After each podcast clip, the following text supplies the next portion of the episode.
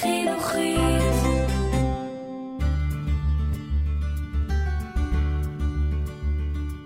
המדריך לשביל ישראל, פרק 28, מתל קשת לצומת דביר, עם יואב גלזנר. שלום לכם, את הפרק הזה של המדריך לשביל נתחיל בתל קשת ונסיים בצומת דביר. בדרך נראה יער נטוע, נתהלך מעל מאגר מי התהום הגדול ביותר במדינה, נעלה על תל בעל חשיבות אסטרטגית ועל תל אחר שתולדותיו מעניינים במיוחד. לפנינו יום די ארוך, אך מלא בארכיאולוגיה והיסטוריה. עבור מי שפחות מחבב את העצירות ההיסטוריות, היום יכול להיות קצת משעמם. הנוף במסלול דומה לימים הקודמים ולא משתנה מהותית לאורך כ-20 הקילומטרים שנלך. אנחנו ממליצים להוריד כמה פודקאסטים ולהאזין להם בהליכה הארוכה בנחל שקמה. שימו לב שכמה מסימוני השביל עלולים להיות מבלבלים במקטע הזה ומומלץ להיות ערניים. אז קדימה, כובע, מים, פודקאסט איכותי ומצב רוח טוב, אני יואב, ואנחנו יוצאים לדרך.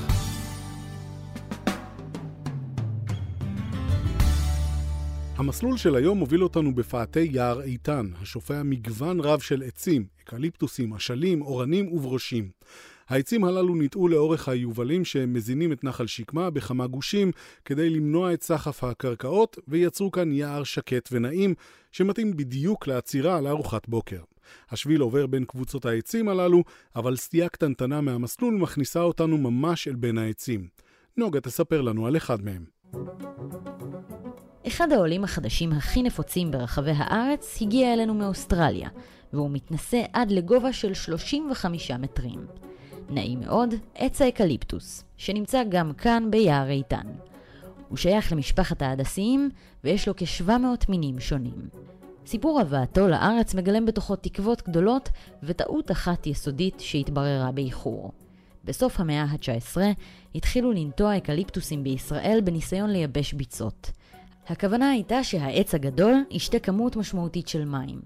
לימים התגלה העץ כשתיין צנוע יחסית, וזו לא הייתה הבעיה היחידה. שורשיו היכו לעומק הקרקע, ובקיץ הוא ניזון ממים שנמצאים בעומק, מתחת לביצה. בסופו של דבר, מרבית הביצות טופלו על ידי חפירה של תעלות ניקוז, וארץ ישראל התמלאה ביערות אקליפטוס מלאי צל, שמהווים בין היתר מקור פריחה משמעותי לכוורות דבורים, סוג של נחמה. כיום זהו העץ הנטוע השני בתפוצתו בארץ, אחרי אורן ירושלים. אם עצרתם ביער השקט לארוחת בוקר, זה זמן טוב לפתוח מפה ולגלות שאנחנו על הנקודה המערבית ביותר של השביל מאז שעברנו את תל אביב, ומכאן ועד ערד המגמה הכללית תהיה בכיוון מזרח.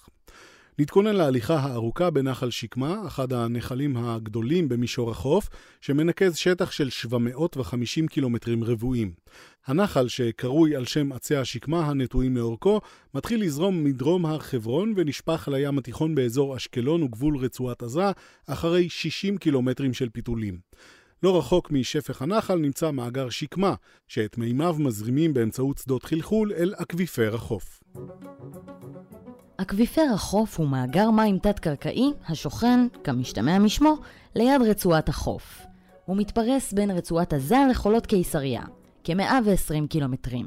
שטחו כ-1,900 קילומטרים רבועים, ויש בו קיבולת של כ-2 מיליארד קוב.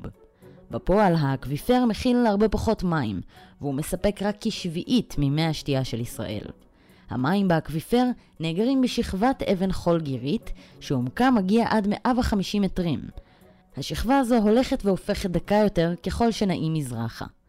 בשנים האחרונות, בעקבות שאיבת יתר של האקוויפר, חדירת זיהומים מהערים שמעליו וחדירת מי ים למאגר, כמות משמעותית מהמים באקוויפר הפכה לבלתי ראויה לשתייה, וכדי להחזיר את המאגר לתקינותו, נדרשת עבודת שיקום משמעותית. מנחל שקמה אנחנו עוברים אל נחל סד, יובל של נחל שקמה המתחתר בסלע הגיר הלבן שנחשף תחת שכבת כורכר ויוצר ערוץ נחל קניוני יפהפה, לבן ובוהק. הנחל נקרא כך על שם הסיד שהופק בעבר מסלע הגיר.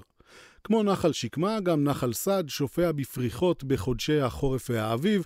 בין השאר גדלים כאן גיאופיטים מסוגים שונים, סטבניות היורה בנובמבר, אירוס ארץ ישראלי בינואר, כלניות בפברואר, צבעוני ההרים, בין חצב יקינטוני ודבורניות במרץ.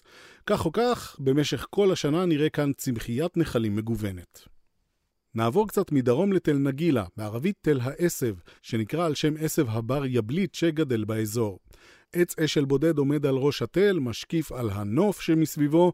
העץ הזה שימש בעבר נקודת ייחוס לטייסי חיל האוויר וגם לסיירים ולמטיילים. האגדה מספרת כי הטורקים הסתירו ליד העץ מטמון זהב, שהיה אמור להיות תשלום לפועלים שעסקו באזור בהנחת מסילת הרכבת. אבל התוכניות שלהם השתבשו, הם נאלצו לברוח, ולכן קברו את הזהב ליד העץ, כדי שיוכלו לזהות את המקום כשיבואו לאסוף אותו. על הקרקע באזור תוכלו אולי לזהות את שאריות החפירות של אנשים שמאמינים באגדות. היתרון היחסי שמספק גובהו של תל נגילה והעובדה שחלש על מסלול ההמראה שממנו המריאו מטוסים שהצניחו אספקה לנגב, הפכו את התל לנקודה אסטרטגית שנכבשה מידי המצרים במהלך מלחמת העצמאות.